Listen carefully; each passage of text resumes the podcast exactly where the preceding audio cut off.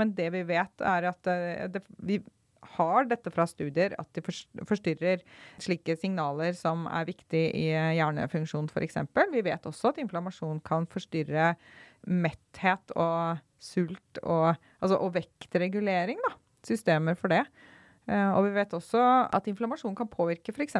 fettomsetningen i kroppen. Så mange av disse her overordnede systemene som skal bidra til å holde oss friske, som ser ut som de kan bli forstyrra av inflammasjon. Så vi må nok ha Hvis man begynner å se på mennesket som en, en helhet, så henger ting veldig godt sammen.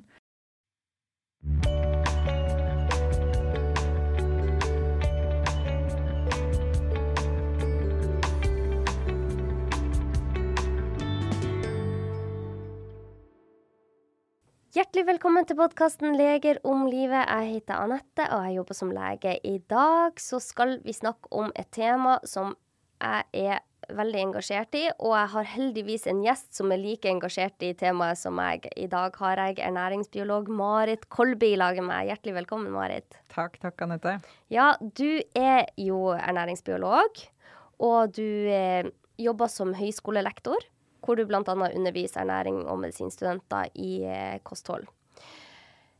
Nå skriver du bok, og den har bl.a. en del fokus på mentale lidelser og kosthold. Mm. Hvorfor er dette så viktig for deg? Ja, jeg er opptatt av alle disse koblingene mellom kosthold og helse. Ja, da, og jeg tenker at uh, dette med mental helse er jo selvfølgelig like viktig som alle andre helseproblemer. Og så vet vi jo at det er veldig utbredt i befolkningen. Det er vel litt sånn stridigheter blant uh, de lærde der om det egentlig er mer utbredt nå enn før, eller om vi bare er blitt flinkere til å snappe det opp, altså diagnostisere det og, og sånn. Men uansett, det spiller ikke så stor rolle. Det som er viktig, er at uh, mentale lidelser er en stor sykdomsbyrde da, i samfunnet. Og uh, koster mye penger for samfunnet, og koster mye lidelse for de det gjelder. Mm. Og hvis vi kan både forebygge og behandle de mentale lidelsene, eller i hvert fall helt eller delvis da, ved hjelp av kosthold, så er det og det ser det absolutt ut til at vi kan.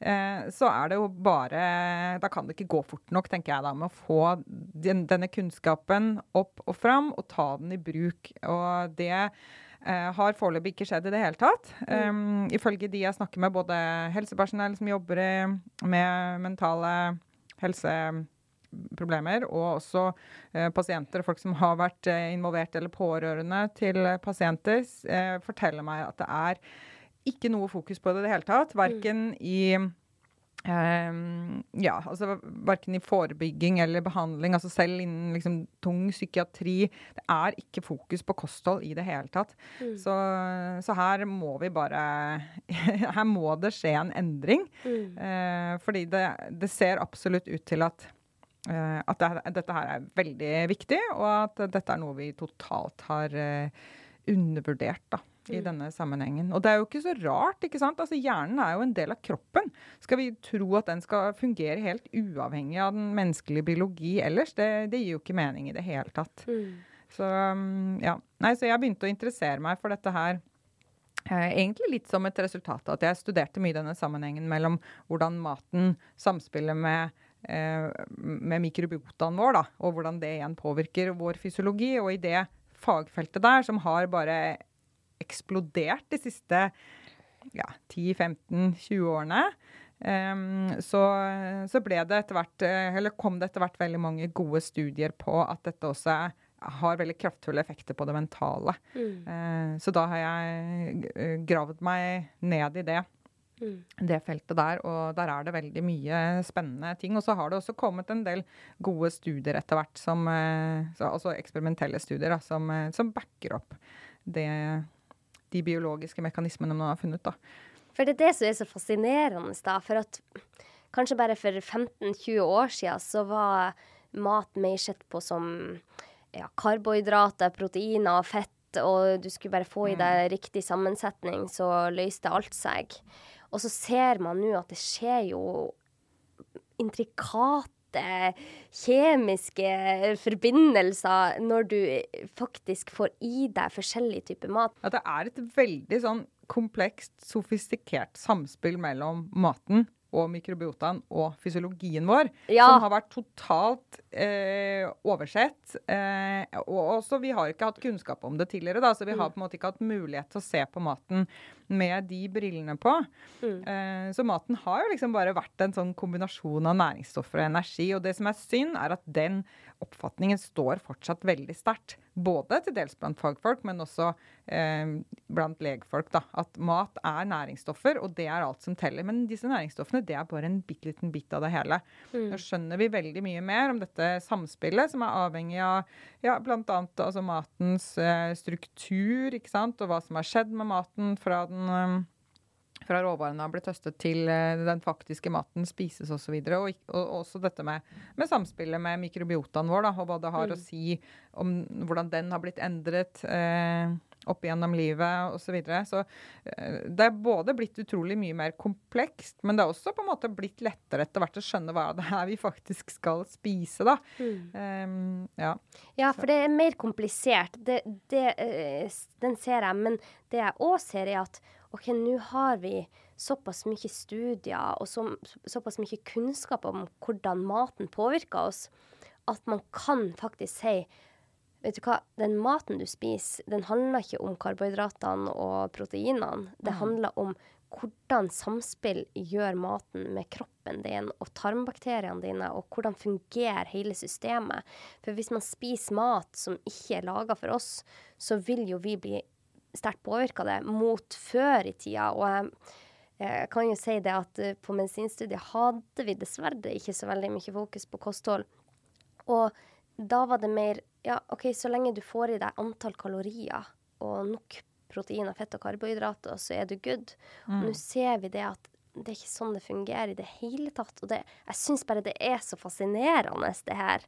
At eh, 1000 kalorier fra en brokkoli er ikke det samme som 1000 kalorier fra en, en annen matsort som har like mye karbohydrater i seg. Nei, absolutt ikke. Og det, eh, det er ikke noen tvil om at det går an å på en måte krysse av i alle de rette rutene i gåseøyne, da, med tanke på både energigivende næringsstoffer og mikronæringsstoffer og, og sånn, og allikevel være kronisk eller alvorlig syk som følge av kostholdet.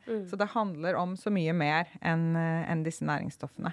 Så vi må komme oss videre derfra og ta i bruk all den nye kunnskapen som vi har fått um, i, i de siste tiårene.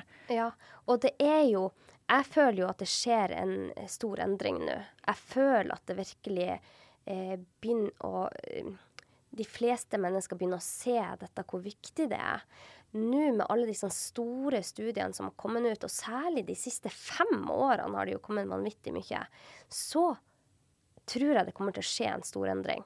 Også særlig når jeg og du forkynner det så høyt som vi kan i alle medier. så Vi får får vi dytta den ballen litt fortere. Vi får håpe det at vi kan bidra til at den ballen ruller litt. At vi får, eh, får et mer fokus, et mer sånn eh, matnyttig fokus, da. Ja, du, Og, ja. du gjør en kjempejobb der, Marit. Men fortell meg, hvordan er det maten vi spiser, påvirker hjernen og vår mentale helse? Hvordan, hvordan fungerer det der? Ja.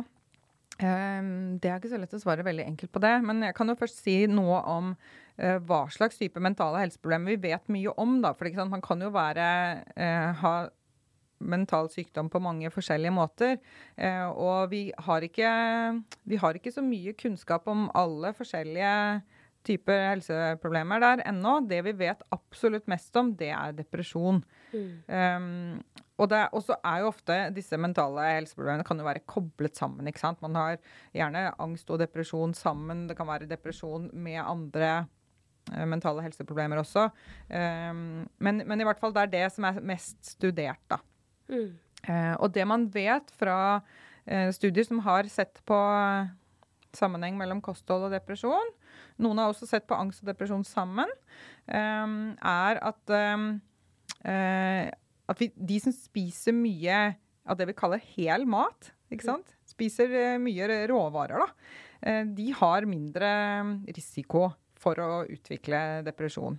Mens de som spiser mye av, det, av en sånn omfattende prosessert industrimat, spiser mye junk og spiser mye fritert mat og slike ting, de har økt risiko. Eh, så det, det henger jo på en måte godt på greip med det vi ser med tanke på generell helse. Da, ikke sant? Det er jo de samme mønstrene som går igjen der.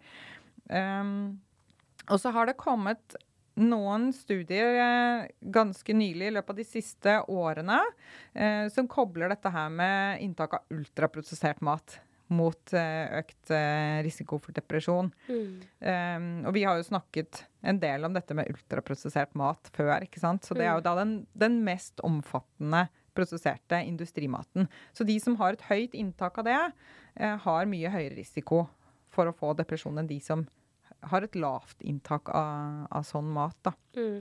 Og da må vi bare kjapt gå innom ultraprosessert mat. Hvordan vet man forskjellen på om det er ultraprosessert eller ikke?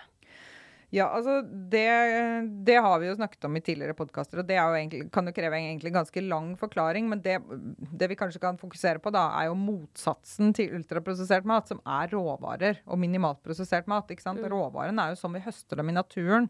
Eh, en råvare er, eh, er eh, hele korn, f.eks. Mm. Det er havregryn, men hvor den ultraprosesserte varianten er et eller annet havreprodukt som er søtet, eh, tilsatt eh, gjerne aroma, vegetabilske oljer, og du kjenner ikke igjen råvaren. Konsistensmidler. Ja, ikke sant? Ja. Så, så, ja, så poenget er jo å vende mot råvarene, og ikke liksom det å jeg mener jo at man ikke skal på en måte være ekspert på å klassifisere om et produkt er ultraprosessert eller ikke. Det er ikke, det er mm. ikke egentlig nødvendig, det er ikke hensiktsmessig. Hvis man, hvis man, orienterer seg mot råvarene, så er det det som er løsningen uansett. ikke sant? Mm. Det er dit vi skal. da. Vi skal tilbake til å spise hel mat. sant? Det er det som er uh, nøkkelen. Ja, men det blir, det, jeg ser det er litt forvirring, ikke sant? For at man tenker at hvis poteten er kokt, så er den spør folk meg er den ultraprosessert. Og jeg kan forstå det, for det er så vanskelig, det her. Men det vi kan si, er at hvis maten er ultraprosessert, så er den tilført stoffer eller kjemikalier eller tilsetningsstoffer for å gjøre den at den smaker bedre, at den kjennes bedre ut, at den ser bedre ut. At det er tilført eh, produkter ens ærend for at den skal bli mer appetittlig for ja. oss. Kan jo kjapt gå gjennom noen sånne indikatorer for eh, ultraprosessert mat, da, hvis du ja, vil at vi skal gjøre det. Gjør det kjapt. Ja. Eh, for det første så er det sånn at ultraprosessert mat det er utelukkende industriprodukter. Så matlaging som du gjør i hjemmet, regnes aldri som ultraprosessert. Veldig greit å vite. Ja, ikke sant? Det betyr ikke at man ikke kan lage usunn mat hjemme. Selvfølgelig kan man det. Eh, men det er mindre sjanse for at man eh, står og friterer f.eks. hjemme. Altså, det er en del sånne eh, prosesser som eh, endrer maten vår på en måte som ikke er bra. Mm. Som man er mindre, mindre, tilbøyelig til å gjøre hjemme, rett og slett fordi at det er ekstremt arbeidskrevende. Mm. Så denne matindustrien har på en måte tatt en del av arbeidet ut av å lage den mest usunne maten og mm. gjort den veldig sånn tilgjengelig. Um, så det er noe av problemet i seg selv. Men det er noen indikatorer, da. For det første så er det sånn at hvis, hvis maten består av ikke råvarer, ikke sant? men de består av ingredienser. Det består, eh, består av sukker, stivelse, vegetabilske oljer f.eks. Eh, sikta hvetemel. Eh, da er det en indikator på at det kan være et ultraprosessert produkt.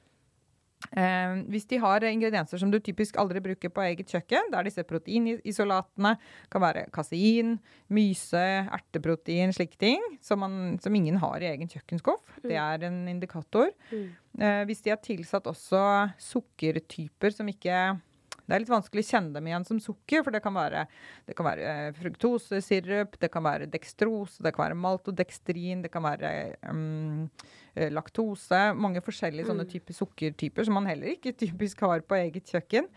Um, og så det, um, kan de ofte være tilsatt hydrogenerte oljer, altså herda oljer. Mm. Eller uh, tilsatte sånne fiberisolater. Mm. Um, eller raffinert fiber, da. Og så er det en typisk ting for ultraprosesserte matvarer at de har mye tilsetningsstoffer. Uh, og dette er jo da tilsetningsstoffer som er der for å gjøre maten bedre enn det den egentlig er. Vi kaller det for kosmetiske tilsetningsstoffer. Det er aroma, det er farge, det er konsistensmidler. Mm. Det kan være emulgatorer, det kan være stabilisatorer, det kan være fortykningsmidler, slike ting. Og det er ikke sånn at konserveringsmidler gjør maten ultraprosessert. For de er der for å gjøre maten trygg. Mm. Antioksidanter også. Det samme. ikke sant? Er der for å bevare kvaliteten på maten. Eh, vi er ute etter de tilsetningsstoffene som er der for å sminke maten og gjøre den bedre enn det den er. Mm. Så, så de, de, er også en uh, indikator.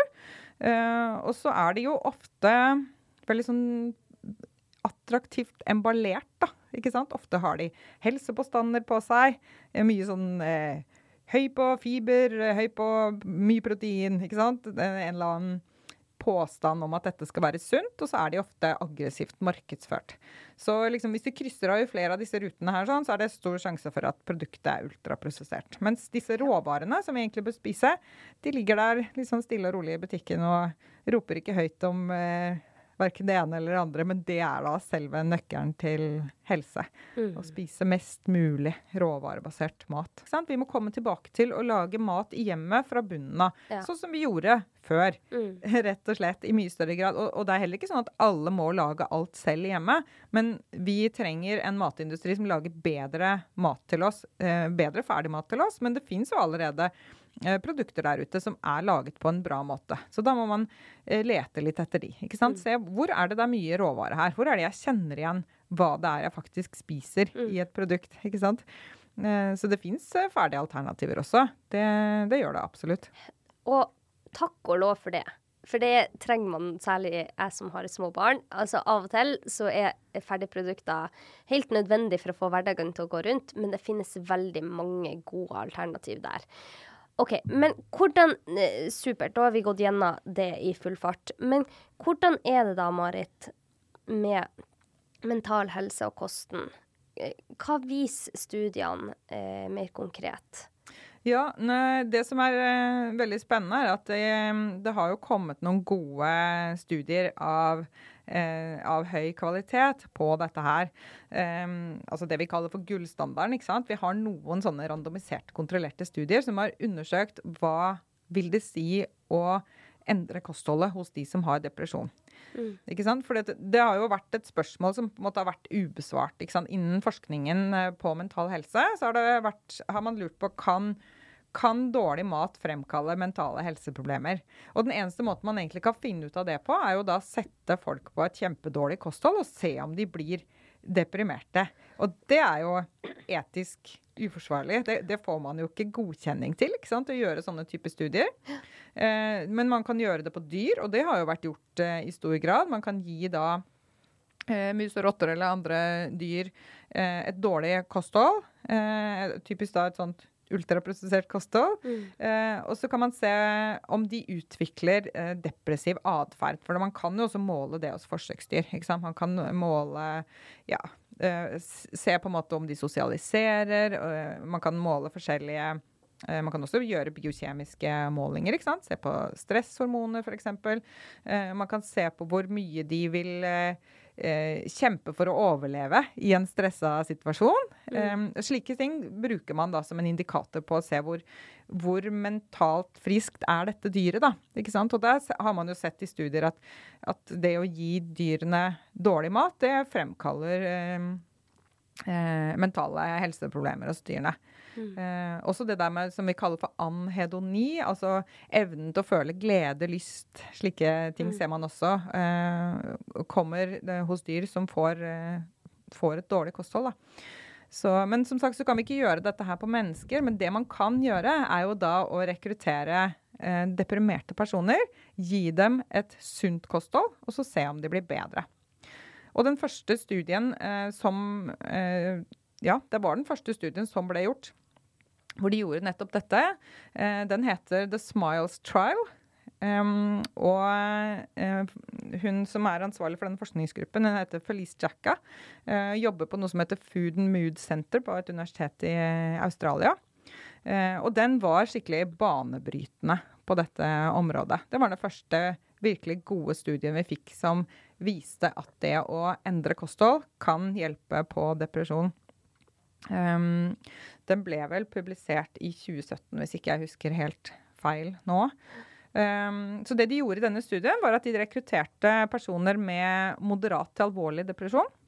Og så ble de delt i to grupper. Og den ene gruppa fikk da veiledning til å endre kostholdet sitt. Det var ikke sånn at de fikk tildelt mat, men de fikk eh, tid med kvalifisert ernæringspersonell da, til å endre kostholdet sitt. Mm.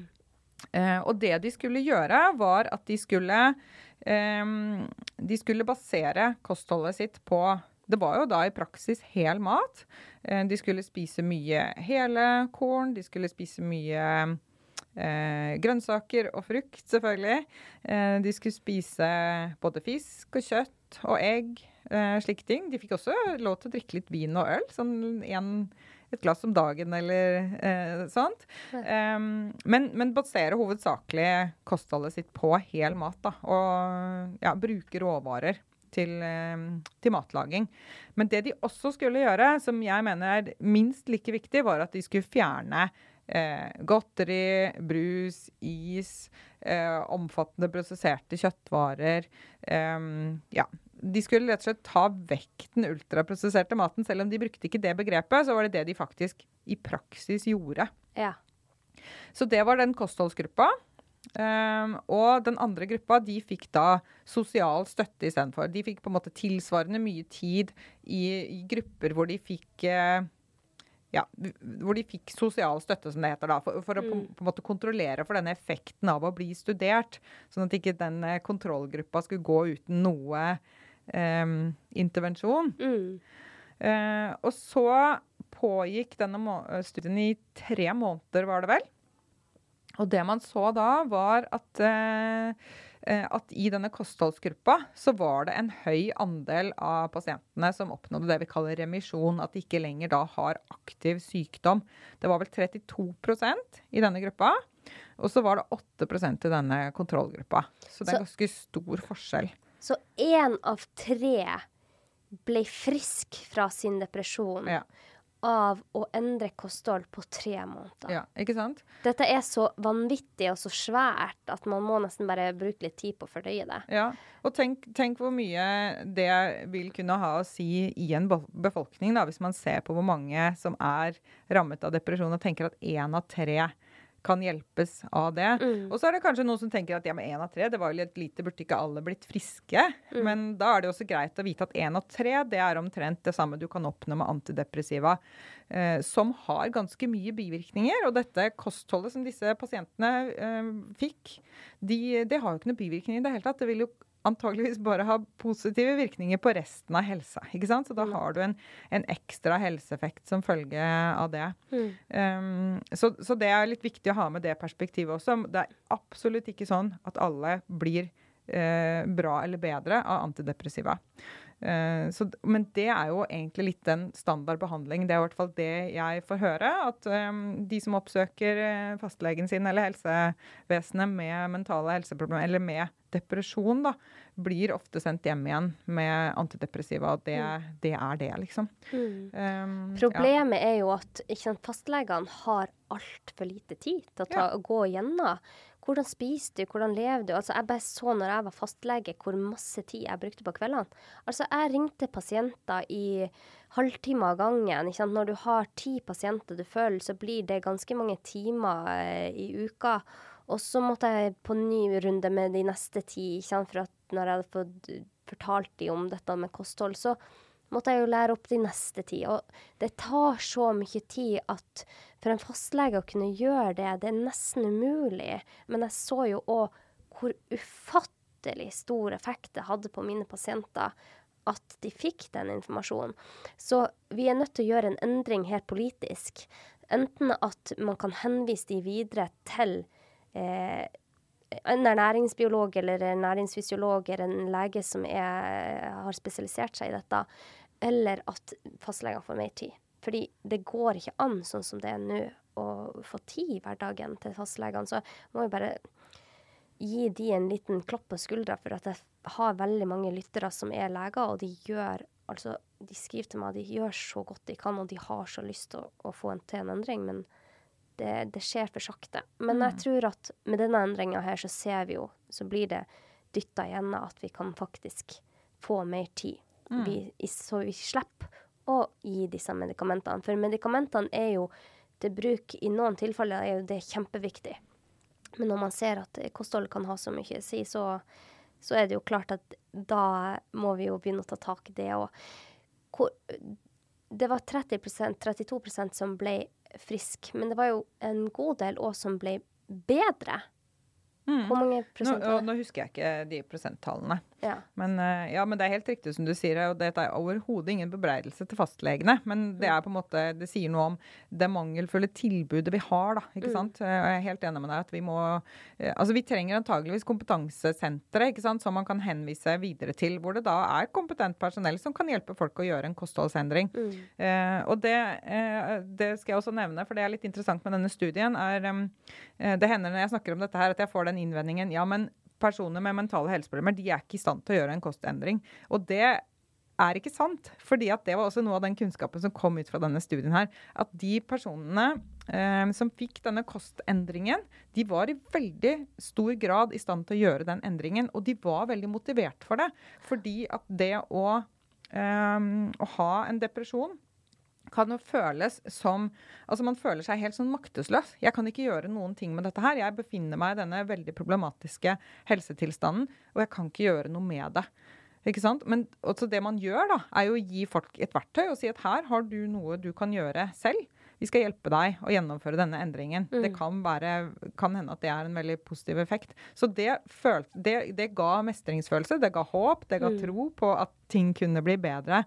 Eh, så det, var, det opplevdes veldig positivt for de pasientene. Så tenker jeg er et viktig perspektiv også å ha med seg. Og det skal man ikke kimse av. Det å ta tilbake makten, eh, kontrollen da, eh, på egen helse, det har så enormt mye å si for å bli bedre. Og når man bare blir servert en oppskrift, sånn skal du gjøre, og sånn blir du frisk, så mister man litt kontrollen selv, og føler at man ikke har det jeg gjør, har ikke så stor betydning for meg selv. Og det er kjempeviktig, det. Og det, det eh, har jo jeg sett i praksisen min igjen og igjen.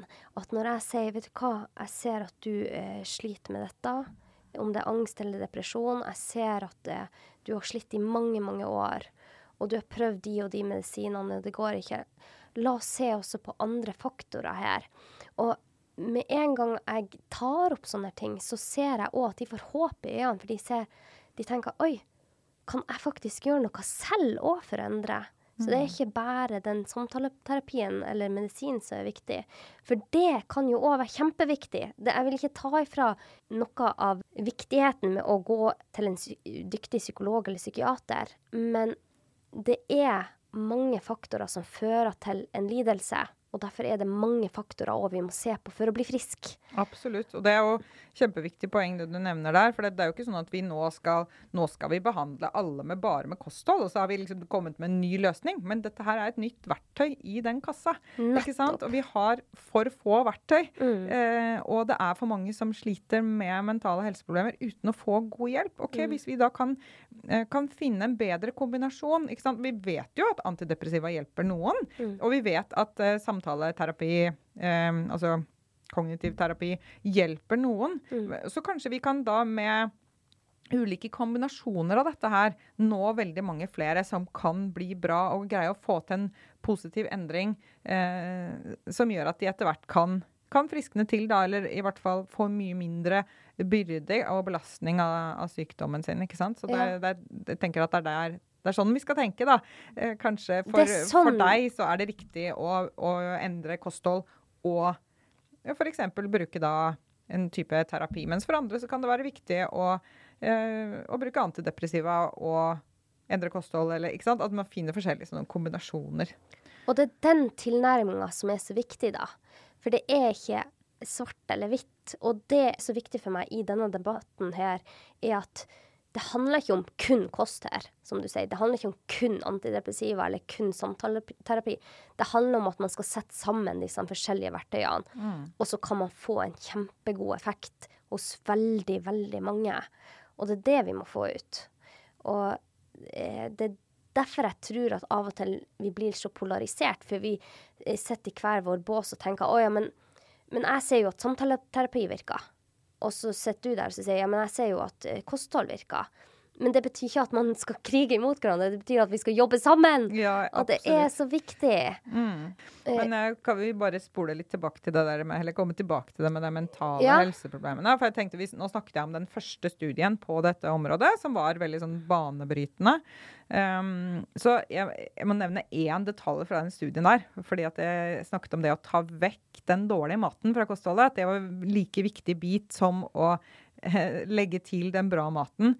Eh, og det viste seg at de deltakerne de reduserte altså i gjennomsnitt så reduserte de 22 enheter i uka med egentlig da ultraprosessert mat. Mm. Altså godteri, kaker, kjeks, brus, slike ting. Mm. 22 enheter, det er ganske mye, det. Det er en ganske stor andel av kostholdet som da har, hvor, hvor man har fjernet i praksis den ultraprosesserte maten, og så har man erstattet det med hele matvarer.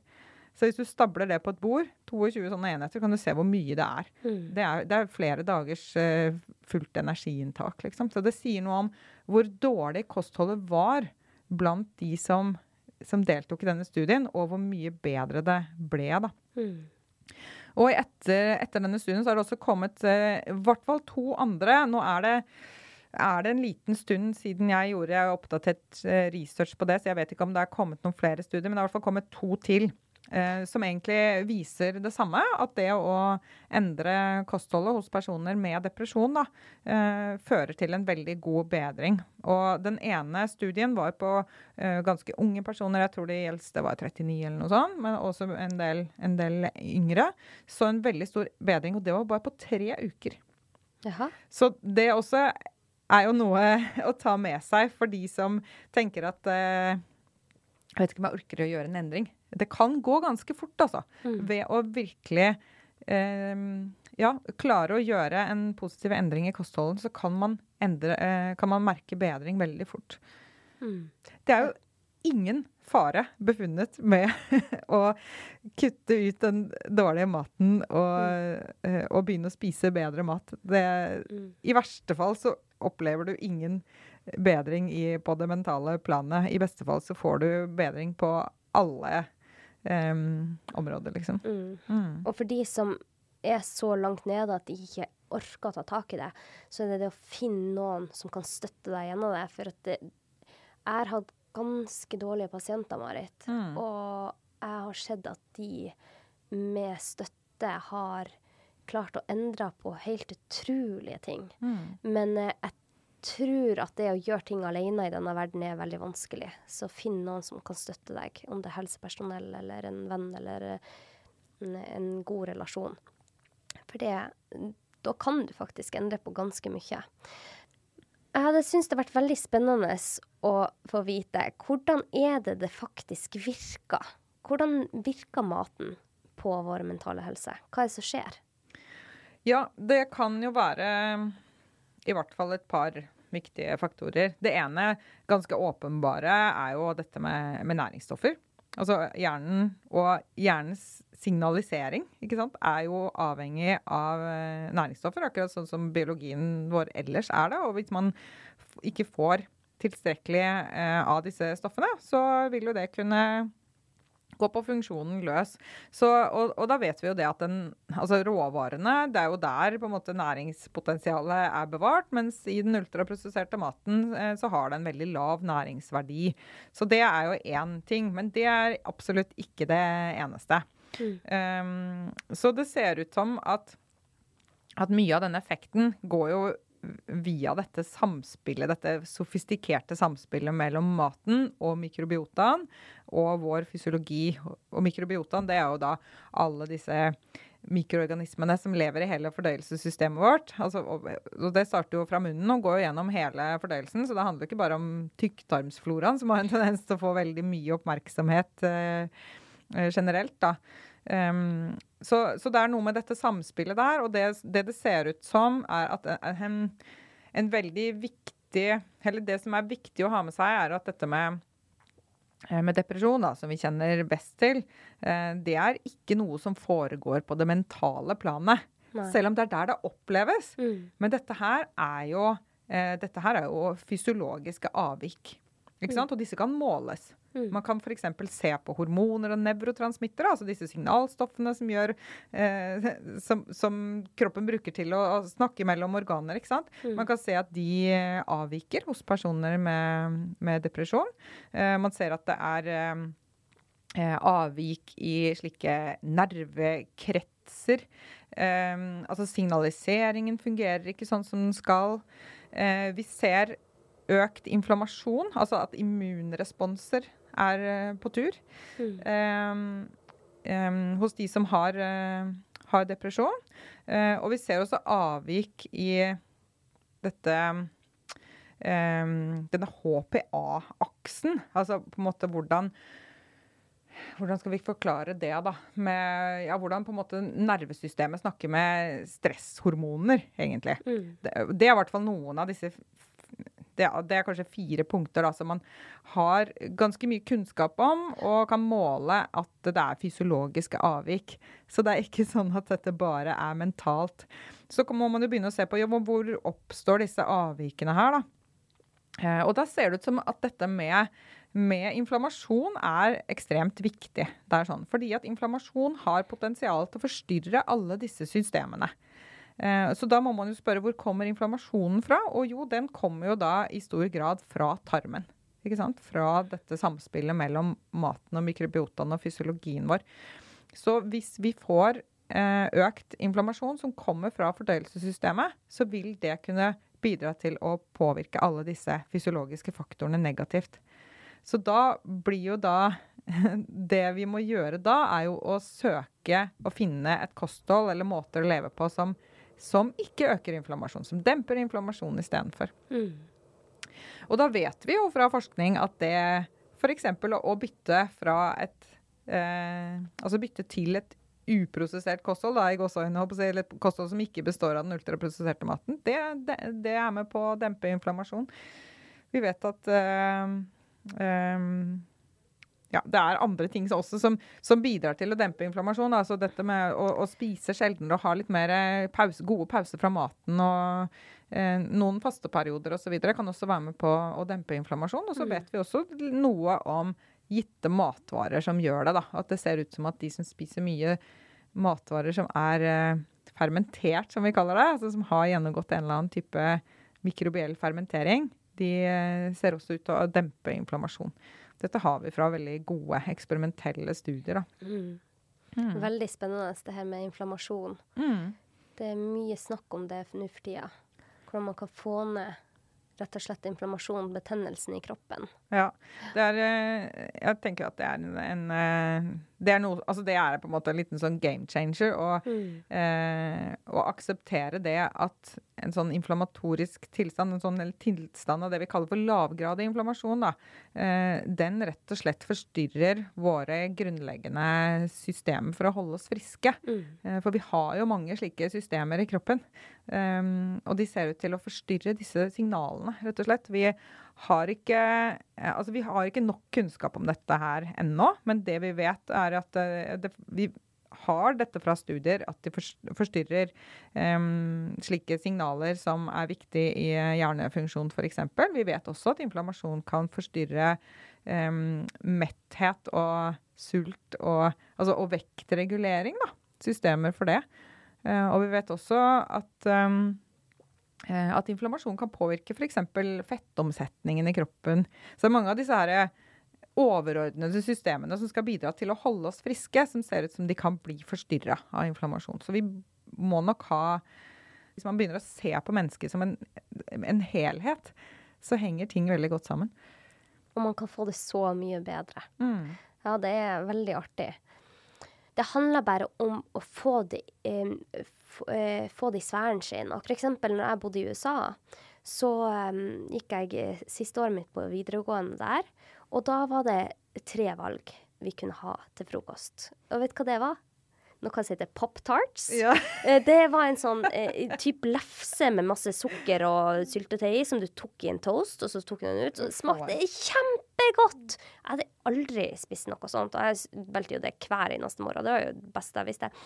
Eller så var det eh, at man kjørte gjennom en sånn donutsbutikk og kjøpte seg en donuts med en sånn gigantisk eh, mokkakaffe eller noe sånt. Mm. Eh, og det var jo i høy grad ultraprosessert. Eller det tredje valget, eh, som er veldig, veldig vanlig der, og det er å ta eh, hva er det heter? Det er sånn Cheerios-frokostblanding som man bare tar masse Mm. Lucky melk i. Charms? Ja, Lucky Charms hadde Ja, ja. Og så spiste man det eh, on the go.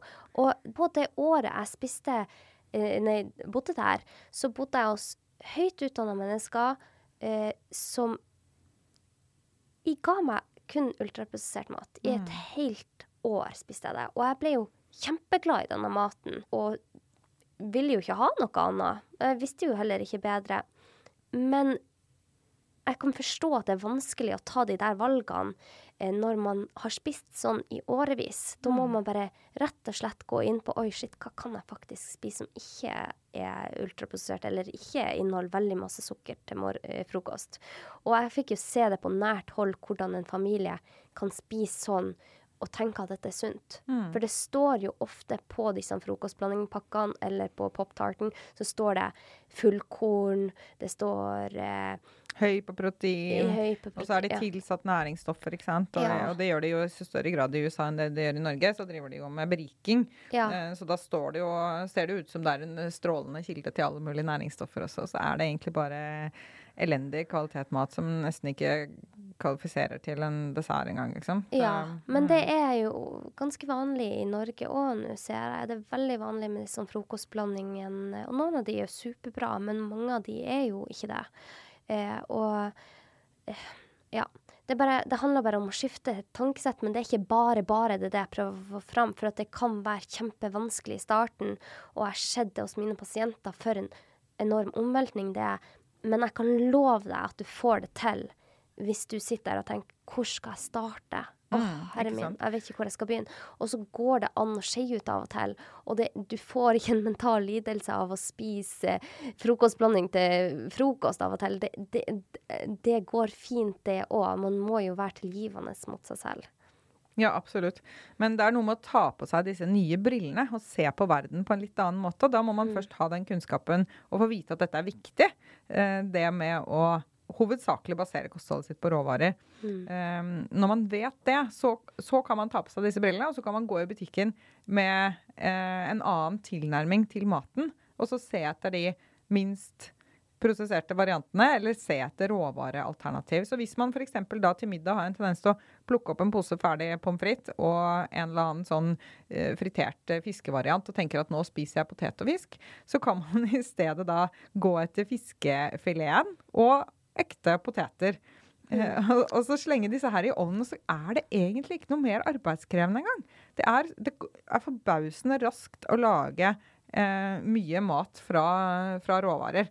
Eh, I hvert fall, altså, Så lenge det står og steker i ovnen, så, så gjør du jo ikke noe med det. ikke sant? Da har du jo, har du jo tid til å gjøre andre ting eventuelt. Men tenk at det kan ha så stor forskjell. Jeg forstår godt at man tenker å, dette er poteter. Jeg gjorde jo det før. Og dette er poteter. Det ser ikke ut som det er så veldig mye annet i den der pakken. Det er noen få, få ekstra ingredienser. Og dette er jo fi- mm, 60% fisk. Det står jo 60% fisk. Ikke sant? Jeg forstår hvorfor man tenker at det er et godt alternativ. For det har jeg selv gjort. Men når man ser da at det er faktisk så stor endring fra å ta en fiskefilet og ta kokte poteter, så blir man jo motivert til å ta de endringene. Mm, absolutt, men da må man vite at det er en veldig stor kvalitetsforskjell mellom disse måltidene. Ja. Og så er det viktig å ikke gjøre ting så vanskelig også, tenker jeg da. Det er jo ikke sånn at man skal lage Man må ikke lage seg et sånt gourmetmåltid hver eneste dag med masse forskjellige tilbehør og slike ting. Det går an å gjøre, det går an å gjøre ting superenkelt. Altså man kan ehm, jeg tar ofte bare noen skiver med agurk eller noen tomater ved siden av som grønnsaker, eller en halv avokado eller sant, et eller annet sånt noe. Ved siden av da f.eks. En, en omelett eller noe sånt. Mm. Jeg kan også spise bare Jeg kan steke en sånn eh, burger, f.eks. Kjøper sånne ferdige hamburgere som er 98% kjøtt. Mm. Kjempe, kjempebra matkvalitet. Kan steke en sånn, og så kan jeg spise det med litt salat til. Det holder. Mm. Eh, man, man trenger ikke liksom å sette sammen et sånt superavansert eh, måltid. Nei. Og det er også bare det å, å tenke på grønnsak som en frukt. Jeg tar og skjærer en agurk i to, jeg, og så spiser jeg den som en eh, hel eh, grønnsak. Altså istedenfor å tenke at man skal bare ha litt av Vi har jo en sånn tendens med at vi spiser jo hele eplet, men vi spiser jo bare to skiver agurk. Mm. Hvorfor ikke bare ta og dele den i to og spise hele? Ja, ja. Eller spise en paprika, liksom. Det er jo en frukt. Ja. Det er jo faktisk Ja, ja, ja, ja, ja, men det er bare tankesettet. Jeg, jeg syns jo det var kjemperart første gangen jeg begynte å spise paprika bare hel, men det gjør jo jeg nå. Og når jeg tar det med på jobben, så flirer jo folk av meg, ikke sant? For det ser jo veldig rart ut. Men det er jo Det er jo bare vaner. Jeg, jeg hadde um, I fjor var det vel eh, en av, en av medisinstudentene Eller var det forfjor? Nå blander jeg disse kullene. Jeg har gått helt i surr i denne perioden hvor vi hadde undervist på, på Zoom og sånn. Ja. Men da var det i hvert fall um, for disse medisinstudentene som, eh, som jeg underviser, da, som tar ett år i Norge og fem år i Ungarn, da var det en som uh, alt, Hun hadde alltid med seg noe sånn litt sånn uvanlig som hun satt og spiste på. F.eks. en hel agurk eller en hel paprika eller et helt salathode. liksom. Og så satt hun og rev av biter og, og knasket på det i forelesning. Eller i pausene mellom forelesningene. Det syns jeg var så morsomt. At det er eh, ja, noen som eh, bare tenke litt annerledes, da. Det bryter i hvert fall tausheten hvis det skulle være eh, lite å snakke om i lunsjen. Så det, da er det bare å ta med deg en hel agurk. Å, så bra, Marit. Jeg føler at vi har gått igjennom veldig mye. Er det noe vi ikke har fått med nå innenfor kosthold og mentale lidelser som du syns er veldig viktig å få med? Ja, det var det, da. Eh, Det, eh, det er jo sikkert noen som sitter med noen spørsmål nå som vi prøver å tenke på. Hva er det de lurer på nå? Ja. Som ikke vi ja. har svart på, ikke sant? Ja, eh, jeg, jeg vet i hvert fall at veldig mange sitter og tenker jeg har en bror, eller jeg har en mor, eller jeg har en, et barn som sliter med mentale lidelser, og de vil ikke endre på kosten sin. Og jeg sitter der som tilskuer og har så lyst til å hjelpe dem. Hva kan jeg gjøre? Og det jeg tenker er viktig da, er at det er veldig viktig at man ikke prakker på de sine egne løsninger. Eh, fordi man vil gjerne ikke høre sånne tips og råd fra noen som står en nær. Og da kan det f.eks. være nyttig å gi de en episode, f.eks. denne episoden, eller en annen episode som du tenker at de kan like, uten å, dytte på de, på en måte. Eller at eh, når dere møtes, så, ser, så har du alltid lagt til rette sånn at det blir, står grønnsaker på bordet. For litt kan ha mye å si. Eh, og så tror jeg det at eh, alt til sin tid. Eh, hvis noen er kjempedårlig, og du ser at kosthold det er det siste vi, vi kan ta tak i akkurat nå, det, det er mange andre ting, så begynn med én ting, og så sakte, men sikkert går man mot et bedre kosthold òg. Eh, men man må bruke tid. Eh, det er i hvert fall mitt beste råd, for det spørsmålet får jeg ofte, og det har jeg jo, har jo mange pasienter som er pårørende, som er helt fortvila over eh, nære venner eller slekt som har et dårlig kosthold. Bruk litt tid, og så kanskje gi de en episode eller en artikkel, men ikke mye, for at det vil virke mot sin hensikt. Mm. Ja, det må jo være noe indre motivasjon der.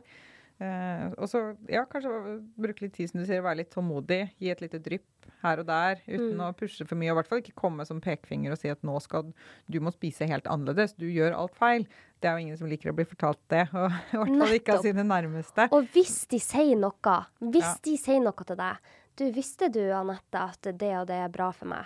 Så må du ikke si 'ja, det der visste jeg fra før av', og du må gi de litt mer bensin på det der sant? Ja. engasjementet. Fortell meg mer om det. Ja. Hva er det du har funnet ut av nå? Ja, Så spennende. Ja, Mm. nettopp. Og det, for det, det gir de så mye mestringsfølelse hvis de begynner å få informasjon fra andre hold og kan fortelle det til deg.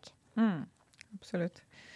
Det å kunne kanskje fortelle om at jeg, jeg, jeg hørte denne podkasten, jeg leste denne artikkelen, det var veldig interessant. Har du lyst til å Jeg tror kanskje du kunne hatt glede av det, du også. Mm. Istedenfor å si at skal du spise den sjokoladen der nå, liksom? Eh, at man ikke tar den tilnærmingen, da. Ja, det er Mm. kjempeviktig. Så bra, Marit. Tusen takk for at du har fortalt så veldig godt om dette temaet. Og jeg er kjempeglad for at du tar deg tid til å dele kunnskapen her i podkasten min. Har du et siste tips eh, før vi legger på for dagen?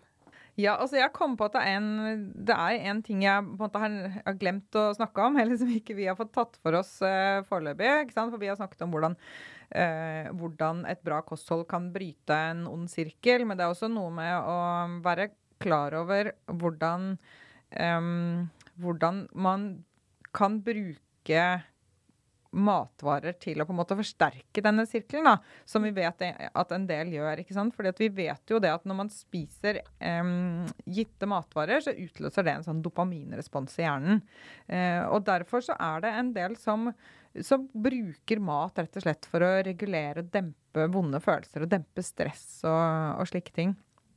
Eh, og da tenker jeg at det kan kanskje være litt nyttig å vite det at i den situasjonen, hvis jeg, hvis jeg, nå gjør det Nå kjenner jeg at jeg blir stressa, jeg blir urolig, jeg er, eh, jeg er, redd, jeg er ukomfortabel. Hvis jeg da vet at OK, hvis jeg spiser denne um, usunne maten Hvis jeg går på denne isbøtta nå på en måte for å regulere følelsene mine, mm. eh, så gjør jeg faktisk vondt verre. Hvis man ikke er klar over det, så blir det jo vanskelig å endre den det reaksjonsmønsteret. Det er en del som bruker rett og slett eh, dårlig mat eh, som selvmedisinering. Eh, og det er jo noe vi har på en måte lært oss gjennom livet. ikke sant? Og vi, vi bruker forskjellige, eller vi har forskjellige metoder for å regulere følelser. Noen eh, tar seg en løpetur når de er frustrerte og, og stressa, eh, og får eh, løst ut dopamin som følge av det. ikke sant? Noen drikker, noen tar dop, og noen spiser da usunn mat. Og noen gjør kanskje andre ting også. Men felles for alle disse her reaksjonene vi lærer oss, er jo at de løser ut dopamin, sånn at vi føler oss bedre. Mm. Um, og Da er det sånn, uh, da leste jeg noe veldig interessant, en, en, studie som hadde undersøkt dette med denne dopaminresponsen som følge av uh, dårlig mat. da, uh, er At vi får en veldig sånn rask dopaminrespons når vi putter et eller annet søtt i munnen. Um, så kommer den veldig kjapt. Men så skal vi egentlig, i forbindelse med et måltid, altså når man spiser uh, bra sammensatt mat, så skal man egentlig få to dopaminresponser. Man skal få én belønning så fort man får maten inn i munnen, og hjernen sier at ja, dette her er bra greier, fortsett å spise, liksom. Og så skal man få en respons til som følge av at maten når tarmen. Så der skjer det i selve fordøyelsessystemet. Uh, og det man så i denne studien, var at når man spiser mat som man har en så veldig sånn sterk craving for, da, typisk sånn junk, ikke sant, mm. så løser den ut mye av denne første responsen, men ikke den sekundære. Og så vet man ikke helt hvordan man skal tolke dette, men jeg tenker at det er heller, det spekulerer også forfatterne av studien, at det er kanskje en slags sånn Altså hvis ikke du får denne bekreftelsen på at maten var bra. Hvis ikke fordøyelsessystemet på en måte sier ja, OK, men nå har vi fått det vi skal ha, dette er en bra greie. Utløs dopaminrespons nummer to. Hvis ikke du får det, så vil du crave mer. Da vil du bare fortsette og fortsette og fortsette. Mm. Og det er også det mange rapporterer. ikke sant? At når de bruker dårlig mat, eh, ja, godteri f.eks., junk, til å regulere dårlige følelser, så, så blir det på en måte ikke nok. Du spiser mer og mer og mer. Du spiser hele sjokoladeplata. Kanskje du spiser tre sjokoladeplater, liksom. Mm. Um, og, det, og, det, tar Og det krever så mye før man blir fornøyd, da. Så er allikevel den eh, den midlertidige medisineringen er jo veldig kortvarig. Fordi at det slår deg igjen Det kommer igjen som en bumerang ikke sant? Med, med dobbel effekt. Fordi at man da har egentlig eh, speedet opp denne her onde sirkelen. Og får masse dårlig samvittighet på toppen av ja, det hele. Så føler man, eh, man skyld og, og, skam og, ikke sant, i, i tillegg da også. Så, mm. så, så, det er også nyttig å vite, tenker jeg da. At eh, man kan bryte en sånn ond sirkel ved å eh, introdusere de gode matvarene. Uh, og at det også vil da bidra til at man kanskje ikke får så lyst på de, uh, de dårlige matvarene lenger. Veldig interessant. Mm. Så eh, istedenfor å hive seg etter den sjokoladen, så stopp opp og tenk over hvorfor vil jeg ha denne sjokoladen. Hvis man vil ha sjokoladen for å døyve følelser, så er det kanskje ikke den løsninga man skal gå for. Men hvis man vil ha sjokoladen bare for at man har lyst på en sjokolade, og at det ikke er en hva kan man kalle det? Sånn ja, man ikke bruker maten for, som noe annet enn det den er ment for. ikke sant? Mat ja. er jo ment for å eh, gi oss det vi trenger, og også for å gi oss glede, ikke sant? Mm. Um, så, men, men, at den bør ikke brukes for å regulere eh, vonde følelser. Da bør man prøve å lete etter, etter noe annet. eh, og regulere de vonde følelsene. Eller, og, og orke å kjenne på dem, kanskje. da. Orke å bare tenke at ja, men nå er jeg skikkelig lei meg, og det er greit. Mm. Um, og prøve å, å vente det ut, istedenfor da å skulle bruke noe som er veldig negativt for kroppen totalt, da, til å prøve å kvitte seg med disse følelsene med en gang. Mm. Ring en venn. Ring en venn, og så kjenn, og kjenn på følelsene, Marit. Det har uh, veldig helende verdi, altså. Mm. Så det syns jeg var veldig fint. Så bra. Takk for dine, ditt siste råd i dag. Eh, Du er kommer sannsynligvis på en ny episode ved en annen anledning. Det, jeg driver jo og inviterer deg tilbake hver gang, så Jeg kommer tilbake så lenge ikke lytterne dine er lei av meg. så- Nei, det tror jeg absolutt ikke de er. Eh, da takker vi for oss. Og eh, takk for nå, og takk, Marit, til deg. Og hvis eh, dere har noen spørsmål eh, eller kommentarer, skriv det under episoden. Der eh, ser jeg alt. For at nå for tida får jeg så utrolig mange spørsmål på både mailer og meldinger og DM-er. Og av og til så glipper de. Jeg ser at jeg går tilbake og ser Oi, det her har jeg ikke fått svart på. Så hvis du ikke får svar, så er det for at det rett og slett har glippa for meg. Og det er mye bedre å skrive det under episodene, for der ser jeg alltid etter og får svart dere. Og hvis dere vil nå Marit, så er hun å finne på Marit Kolby på Instagram og på Facebook, eller? Nei. Er, min, min formidling skjer egentlig på Instagram. Ja, ja. Uh, og så er jeg litt på Twitter, da, men der er det litt mer sånn uh, nerding med internasjonale fagfolk. Ja. Uh, lite, der er det ikke noe eh, populærvitenskapelig formidling. Nei. Mm. Men du er på Instagram, og eh, ja. Med det så tror jeg Ja, også send denne episoden hvis det er noen du føler har eh, behov for det, eller vil synes dette er gøy å lære om. Ha en kjempefin eh, dag, og eh, takk for oss.